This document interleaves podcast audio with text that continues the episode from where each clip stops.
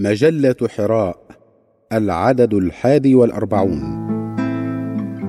أبناء الخدمة بقلم أديب إبراهيم الدباغ.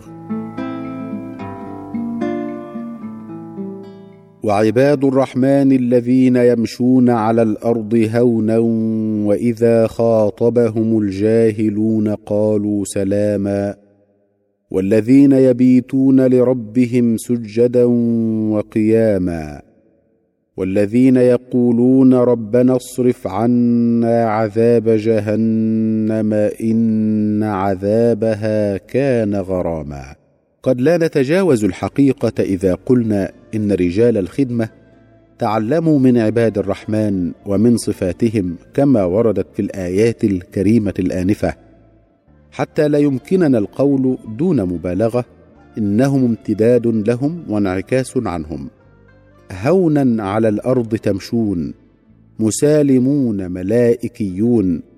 ظهر الأرض لا تخدشون وترابها لا توجعون وأحدا من خلق الله لا تؤذون. وحتى الهوام والدواب أن تطأها أقدامكم تحاذرون. وإذا خاطبكم الجاهلون سلاما تقولون كنسائم الفجر تهبون والنيام تنبهون لا تعنفون ولا تصخبون على سهام الغدر عصيون وعن قوارص الكلام تصمون عن هويتكم لا تنسلخون بأنفسكم تسمون وبأخلاقكم تتعالون واعون غير ساهين متيقظون لا تنامون تعلون ابدا ولا تسفلون. حتى إذا بكم الأخطار حاقت ووجودكم تهدد ولبقائكم يراد له الفناء تحرك قلقكم وتصارخت أرواحكم وتحافزت قواكم وعن سواعدكم شمرتم وعلى الحفاظ على شرفكم تداعيتم. فاجتمعت السواعد وتشابكت الأيدي وتساندت الأكتاف وتزاحمت المناكب وتدفقت النخوات واشتدت العزائم وقويت الإرادات وتفتحت ميازيب العقول واجتمعت المدارك ووقفتم على الثغور. تحرسون لا تنون وتجهدون ألا تؤتون من حيث لا تعلمون.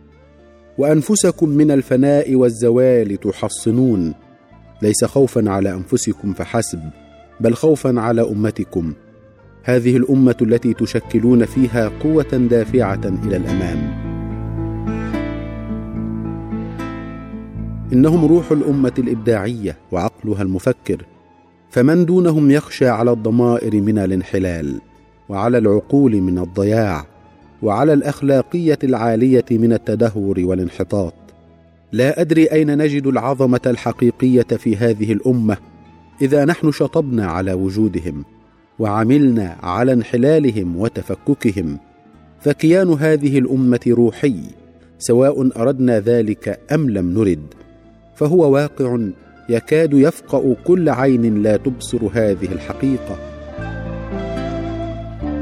فهؤلاء أبناء الخدمة رجالا ونساء وشبابا وفتيانا انعكاس لهذا الكيان الروحي وامتداد له. فإذا ما خلت الأمة من مرآة ينعكس عليها شيء من كيانها الأصيل اختفت ذاتها وضاعت هويتها وذابت بين أمم الأرض. فهذه الخدمة غدت اليوم قضية الأمة الأساس وهي حريصة عليها حرصها على روحها. لأنها شيء انبثق من أعمق أعماق وجدانها وهي تشكل بفكرها الرشيد عمودا من أعمدة البناء الحضاري لهذا الوطن اليوم وغدا. إنها نبض الحقيقة المنساب صداه في قلب كل إنسان وفي قلب كل عالم من عوالم الأكوان. فأقصى طاقات الحياة الإيمانية يمكن أن نجد ما يدل عليها في أبنائها وهم يمارسون أبسط أعمالهم المهنية والحرفية. إن دلائل تبدل روحي نلمحه في أبناء هذا الوطن بفضل جهود هؤلاء الأبناء. إنهم روح جوال يظل الناس في أسواقهم ومكاتبهم ومدارسهم وجامعاتهم وفي كل مكان من أرض الوطن.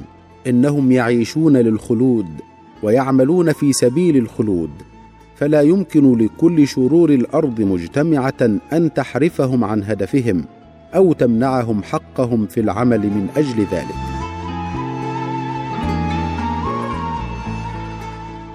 اذهبوا يا أبناء الخدمة حيثما شئتم وأنتم محاطون بالنور والحكمة والعقل والبصيرة.